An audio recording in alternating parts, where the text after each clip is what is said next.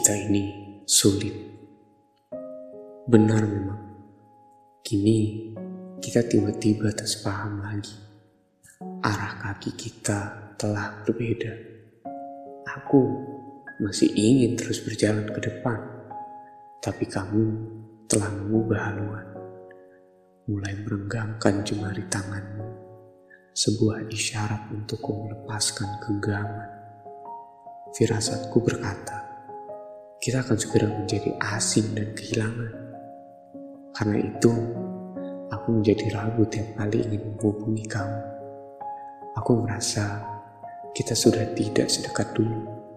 Kamu memutar keadaan terlalu cepat, menjadikan hatiku tidak lagi tertambat. Kita ini rumit, kita ini sulit kupasrahkan seluruhnya padamu. Kalau ada yang harus kau sudahi, sudahi saja. Karena ku tahu, sejak beberapa waktu lalu, kamu mulai bergerak memberiku sekat di tengah kita. Kamu mulai rajin memberi tanda-tanda yang tak kunjung bisa ku terjemahkan. Seluruh tentangmu seperti masalah yang harus ku pecahkan. Aku seperti pelajar basi yang kembali bertemu dengan soal-soal ujian. Tak ada yang bisa kujawab, karena apa yang kuanggap serius pun kau anggap sebagai pertanyaan. Setidaknya, yang menjadi masalah bisa kita cari celah untuk memaafkan.